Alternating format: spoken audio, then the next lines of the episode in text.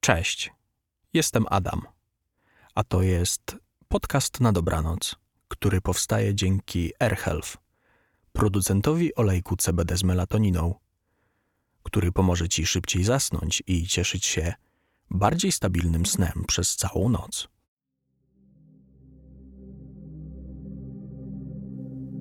Dzisiaj, drogi słuchaczu, opowiem Ci sen o pewnym pociągu.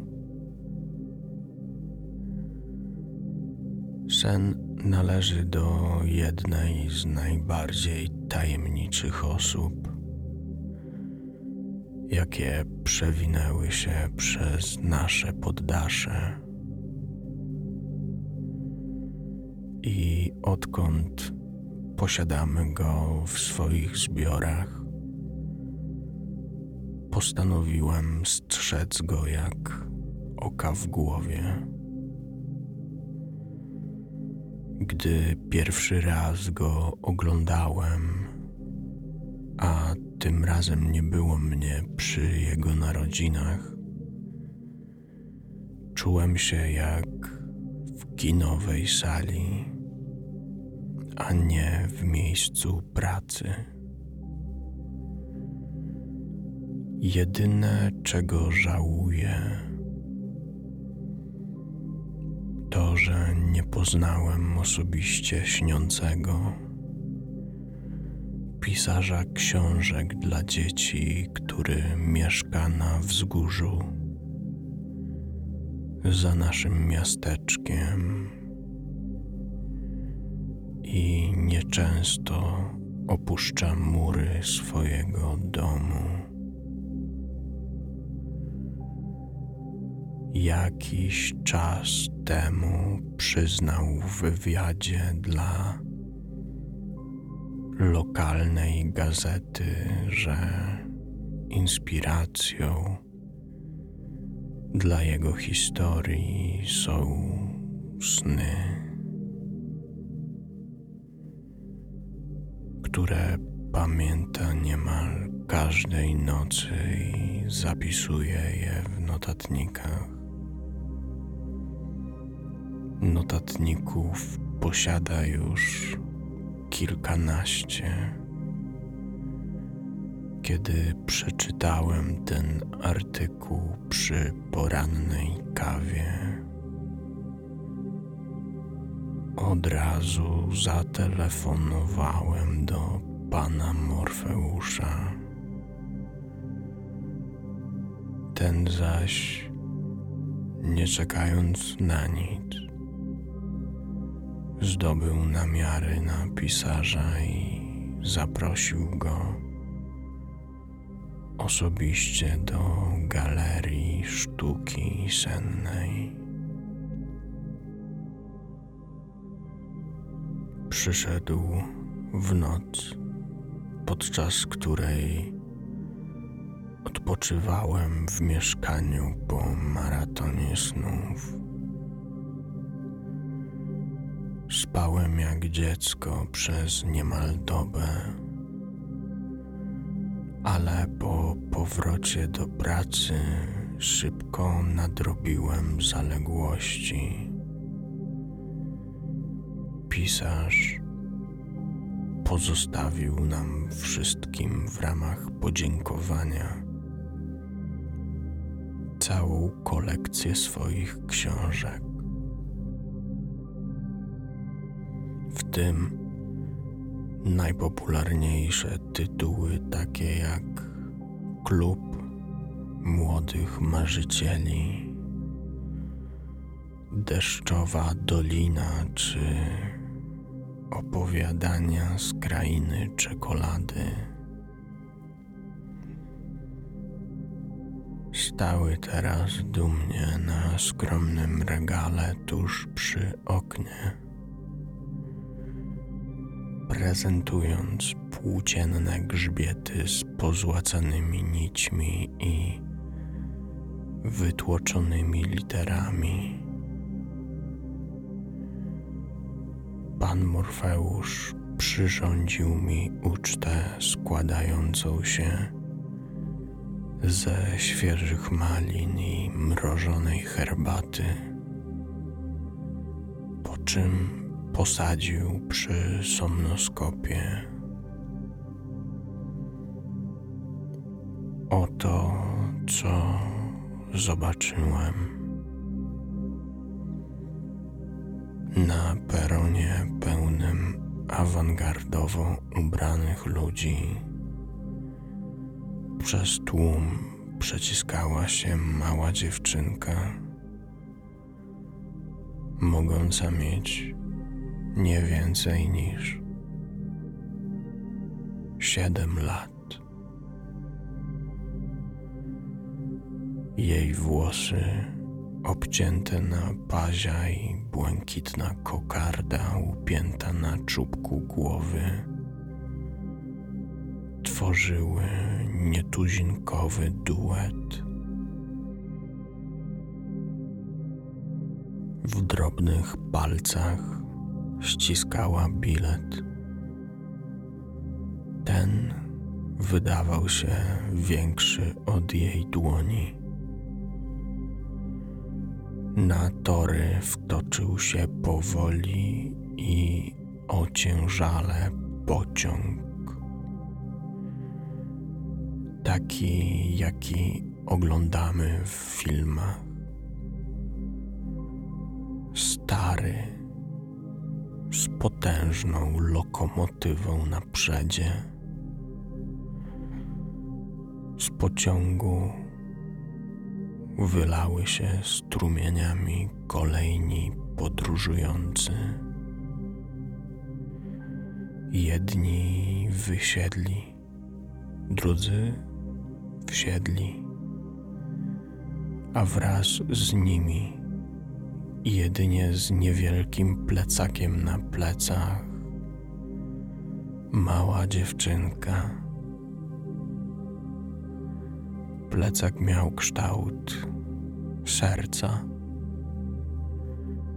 Zdobiły go rubinowe cekiny, tworząc jego obrys. Dziewczynka wsiadła do środka, przeskakując przez szczelinę między torami a wejściem i wdrapując się po stromych schodkach. Przykleiła się do jednej ze ścian i czekała, aż kolejna fala ludzi rozproszy się po pociągu, aby mogła swobodnie szukać swojego przedziału. W międzyczasie wbiła wzrok w złoty bilet.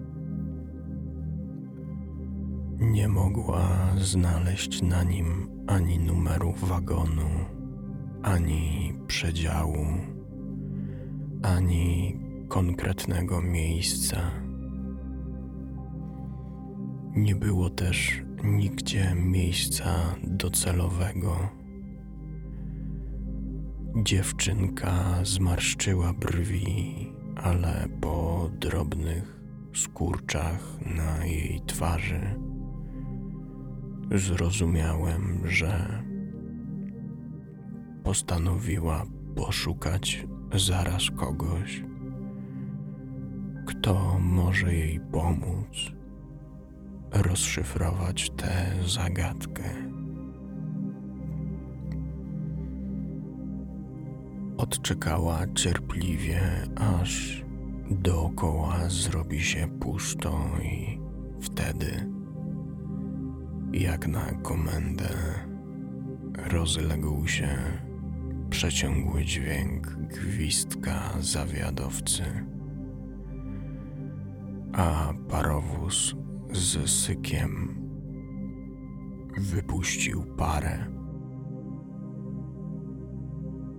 Pociąg ociężale ruszył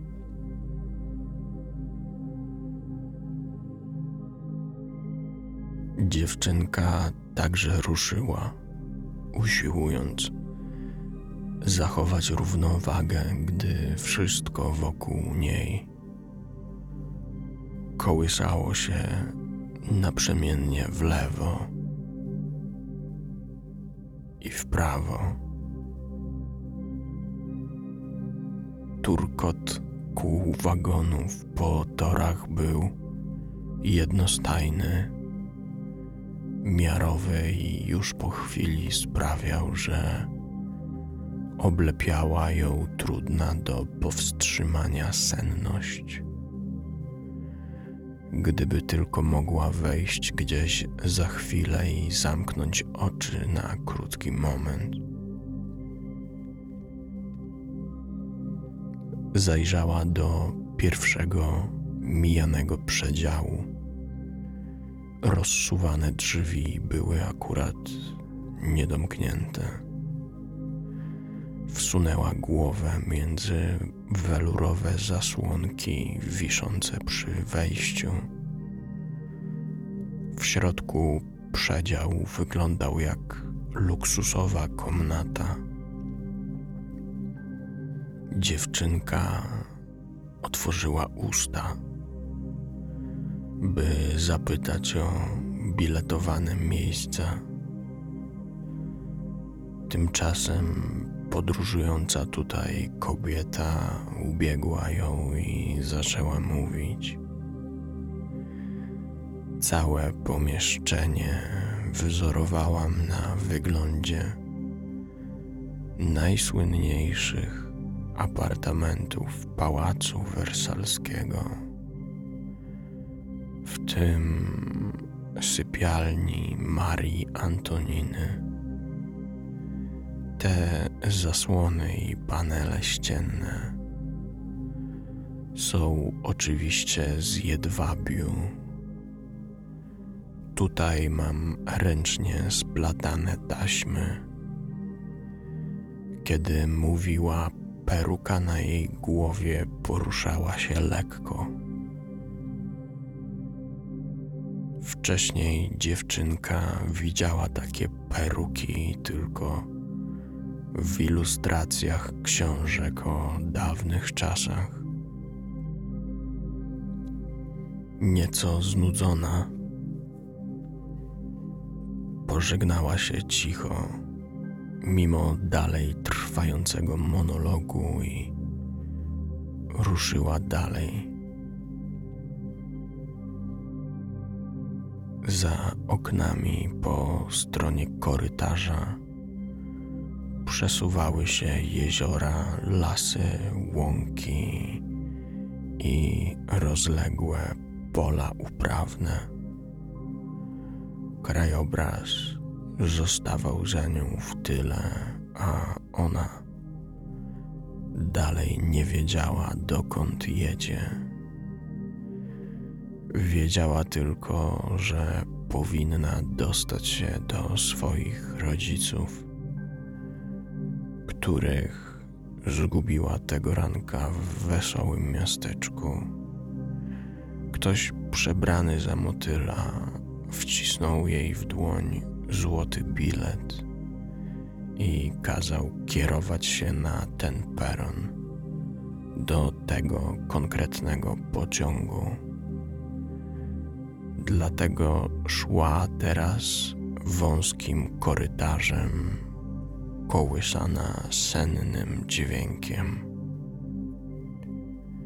a z przedziałów dobiegały przeróżne zapachy. W kolejnym wyczuła woń tytoniu, więc marszcząc maleńki, piegowaty nos, zajrzała do środka. W tym przedziale było całkiem ciemno. Chmura dymu zasłaniała widok, ale przez mleczne opary dziewczynka dostrzegła kilkoro mężczyzn ubranych w gustowne fraki. Wszyscy grali w karty, a na stole leżały stosy złotych monet. W ustach mieli grube cygara, każdy z nich mruczał coś pod nosem. Kiedy skupiła wzrok na ustach jednego, wyczytała z ruchu warg, że mówi coś w stylu: Dzisiaj wreszcie wygram. Mężczyźni nie zwrócili na nią najmniejszej uwagi. Wyszła zatem i skierowała się do następnych drzwi. W środku dostrzegła rząd luster z maleńkimi żarówkami na ramach dookoła. Przedział wyglądał jak teatralna garderoba na białym, podłużnym stoliku. Rozrzucone były niedbale przeróżne buteleczki perfum, pudry, kolorowe cienie, szminki w pozłacanych sztyftach. Kremy w maleńkich, szklanych słoiczkach. Na obracanym krześle siedziała pięknie ubrana młoda dziewczyna. Jej twarz wpatrywała się w lustro wielkimi, sarnimi oczami, pełnymi łez. Czarny tusz spływał po różanych policzkach. Spojrzała na dziewczynkę z tafli lustra, jakby bezgłośnie prosiła ją, żeby wyszła. Dziewczynce roztopiło się serce, ale nie potrafiła w żaden sposób pomóc. Ponownie wróciła więc na korytarz, coraz bardziej zniecierpliwiona poszukiwaniami odpowiedniej osoby, która mogłaby wyjaśnić jej, o co w tym wszystkim chodzi. Po drodze zobaczyła jeszcze kilka przedziwnych przedziałów minęła cyrkowe wnętrze, w którym tresowano małpki ubrane w błyszczące stroje, salę lekcyjną, w której nie było żadnych uczniów, a jedynie wściekły nauczyciel bazgrzący kredą na tablicy mnóstwo matematycznych wzorów. Następnie je zamazujący, wrzeszczący niezrozumiałe słowa, jakby w okrutny sposób tłumaczył coś nieistniejącej osobie. Minęła walczących zaciekle nastolatków, którym skandowało kilkoro innych skulonych w kątach przedziału. Minęła barowe wnętrze, w którym siedziała na wysokich krzesłach jakaś para. Trzymając zadbane dłonie na ladzie, ich palce ściskały szklane, oszronione ściany kieliszków już miała iść dalej, kiedy wróciła i spojrzała raz jeszcze. Kobieta miała rude, długie włosy opadające kaskadą na szczupłe plecy. Mężczyzna siwe skronie i wąsy zakręcone na końcach. Mamo, tato, spytała niepewnie i wtedy odwrócili zaszklone oczy w jej stronę. Na jej widok ogarnęło ich wzruszenie i wszyscy wpadli sobie w ramiona.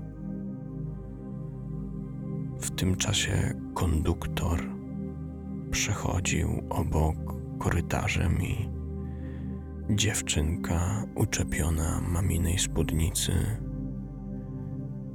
zatrzymała go. Proszę pana, dokąd jedzie ten pociąg? Zapytała, patrząc na niego z dołu. Uśmiechnął się serdecznie.